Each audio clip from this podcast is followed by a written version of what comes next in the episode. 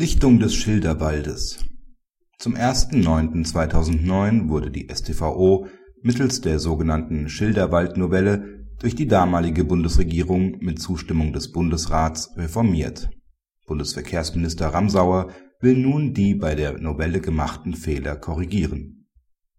Bei der Reform im Jahre 2009 wurde auch eine im Jahr 1992 eingestellte Übergangsregelung des § 53 Absatz 9 StVO ersatzlos gestrichen. Mit dieser Regelung behielten die bis zum 1.7.1992 aufgestellten Verkehrszeichen unbefristet ihre Gültigkeit. Somit sahen sich die Kommunen nach Wegfall der Regelung gezwungen, die alten Verkehrszeichen durch neue zu ersetzen, obwohl sich die alten Verkehrszeichen von den neuen manchmal nur marginal unterscheiden. Nur wenn man die Verkehrszeichen nebeneinander legte, konnte man die Abweichungen erkennen die Streichung des § 53 Absatz 9 StVO hat jedoch auch Auswirkungen auf die Verhängung von Bußgeldern. Ein Bußgeld kann nur verhängt werden, wenn ein gültiges Verkehrszeichen missachtet wird.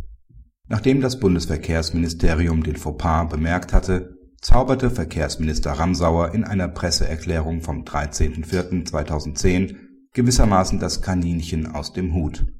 Er verweist darauf dass die Schilderwald-Novelle wegen eines Verstoßes gegen das verfassungsrechtlich verankerte Zitiergebot nichtig sei. Demzufolge würde die StVO in der Fassung vom 1.9.2009 weiter gelten. Sollte tatsächlich gegen das Zitiergebot verstoßen worden sein, so hätte dies zur Konsequenz, dass die neuen Verkehrsschilder ungültig wären die entsprechende Rechtsverordnung wäre dann nämlich nicht nur insoweit ungültig, als die Ablösung des § 53 Absatz 9 StVO alte Fassung erfasst wäre, sondern vollständig. Man kann nur hoffen, dass das Bundesverkehrsministerium möglichst bald eine korrekte Rechtsverordnung erlässt, in der die Weitergeltung der alten Verkehrszeichen angeordnet wird. Schilder lässt grüßen